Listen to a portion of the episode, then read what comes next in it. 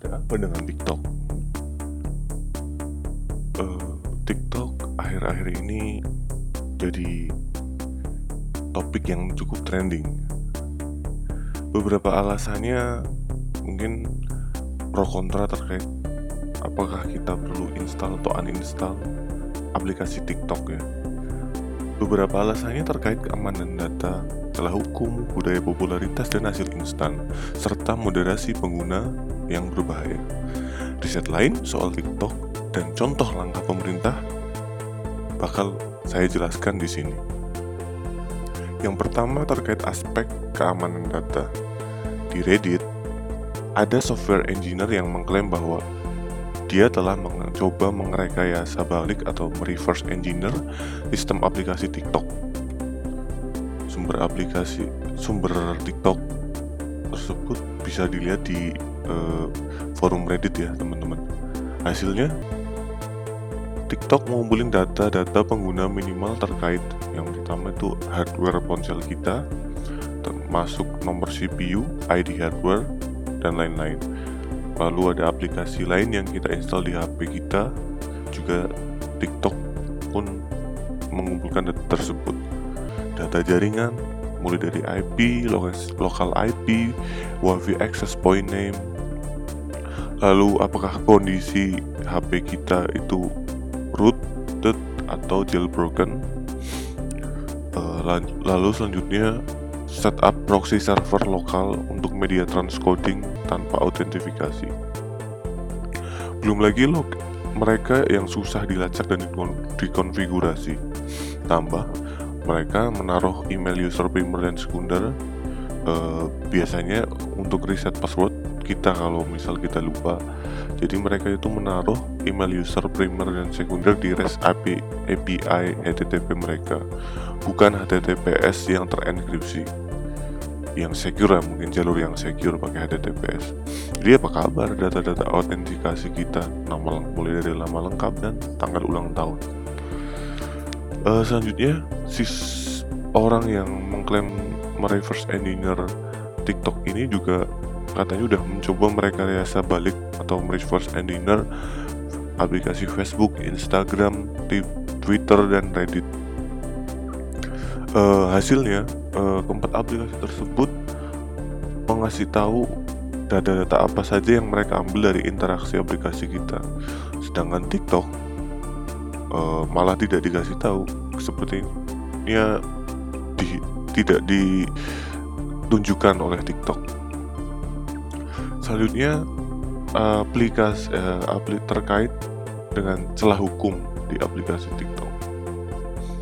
Bisa jadi karena TikTok ini memang basisnya di China, Tiongkok, di mana aturan IT, informasi dan teknologinya juga ketat dan dia diperlukan untuk terus beririsan dan mendukung dengan kepentingan pemerintah. Ya, jadi aturannya tidak seketat aturan swasta di Eropa atau Amerika ya. Jadi kalau misal kita menggunakan iPhone di Indonesia misalnya di App Store cenderung lebih aman karena ada aturan publikasi aplikasi Apple yang cenderung lebih ketat. Kalau di Android eh, mungkin boleh dicek di Play Store. Di sana ada banyak banget penyedia aplikasi berbasis Tiongkok atau China yang mungkin ya kurang jelas gimana gimana jadi buat teman-teman cukup agar hati-hati aja sedangkan perbandingan keterikatan hukum dengan penyedia aplikasi yang basisnya di Eropa misalnya mereka sudah pakai aturan GDPR gitu, atau singkatan dari General Data Protection Regulation uh, yang melarang penyedia aplikasi untuk seenaknya mengambil data tanpa izin kita. Itulah kenapa sejak pertengahan 2018 ketika kita buka situs web atau aplikasi dari sana, akan muncul dialog awal terkait privasi polisi atau uh, dan cookies sebelum kita baca konten di halamannya.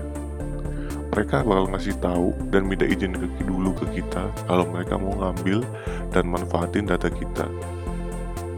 Kalau mau, mungkin boleh silahkan baca aja privasi polisi soal rincian data yang mereka ambil. Nah, selanjutnya terkait aspek budaya popularitas dan hasil instan. TikTok ini sebenarnya uh, adalah sarana bisnis as usual ya dan bisnisnya mereka itu terutama adalah soal memviralkan konten dan bagaimana membuat orang menjadi terkenal.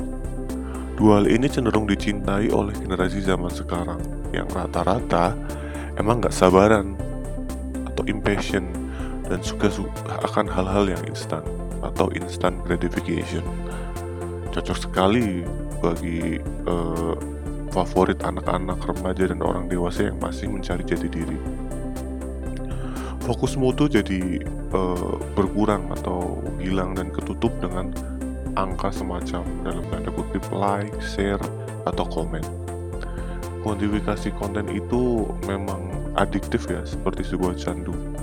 Jadi kalau udah kena atau kecanduan, ya cukup berbahaya lah. Jadi beware aja. Apalagi interaksi media sosial memang dibangun menggunakan psikologi mesin judi. Pokoknya bikin kebahagiaan terus sampai menang dapat hasil yang banyak. Di TikTok dan mungkin media sosial yang lain utamanya ya pokoknya sampai dapat like, comment, share atau subscribe yang banyak selanjutnya yang keempat adalah terkait moderasi pengguna yang berbahaya bagaimana bahkan kalau misal untuk sekedar iseng-iseng pun masih ada isu moderasi pengguna yang berbahaya.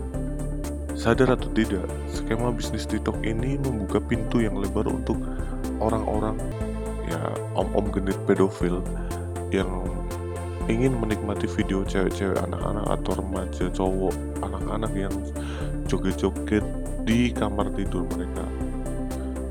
Dunia sepertinya emang sudah tidak waras ya. Kamar tidur yang semestinya jadi area paling pribadi dan rahasia pun di, di dunia nyata malah di media sosial itu malah diumbar-umbar. Belum lagi ada fitur direct message. Orang-orang bebas mau ngobrol apa aja dan janjian mau ngapain aja.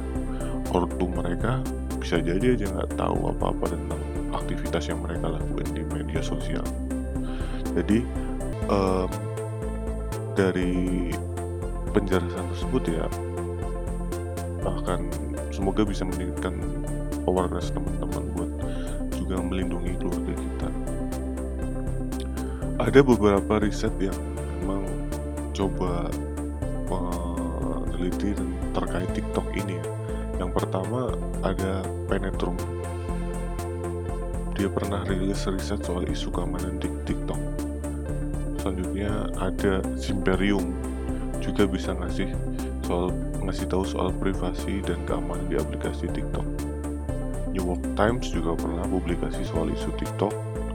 CBC Kanada maupun Fox juga pernah mempublikasikan terkait isu TikTok keamanan privasi ini. Dan untuk langkah pemerintah sendiri, bukan hanya pemerintah Indonesia, bahkan pemerintah India uh, yang kemarin pun udah ngelarang atau nge-ban aplikasi TikTok ini akses aplikasi aplikasi TikToknya ya. Bersama dengan puluhan aplikasi TikTok lainnya ada sekitar 58 aplikasi dan dari Cina perusahaan tech China. Aplikasi-aplikasi yang mungkin banyak penggunanya di Indonesia itu ada banyak yang memungkinkan memang ada celah-celah isu yang cukup kritis kritikal terkait privasi maupun security ini seperti selain TikTok ini ada Share8, UC Browser, WeChat, Bigo Live, Viva Video, Hago, Cam Scanner maupun Mobile Legend. Akhir kata, TikTok memang mungkin mempunyai masalah serius terkait keamanan data, celah hukum, budaya popularitas dan hasil instan maupun moderasi pengguna berbahaya. Beberapa riset lain juga memperkuat isu-isu tersebut. Nah, India menjadi salah satu negara yang sudah melarang TikTok di negaranya. Ya, sekian dari saya. Semoga bisa memberikan insight buat para pendengar. Sampai jumpa di episode selanjutnya. Terima kasih, bye.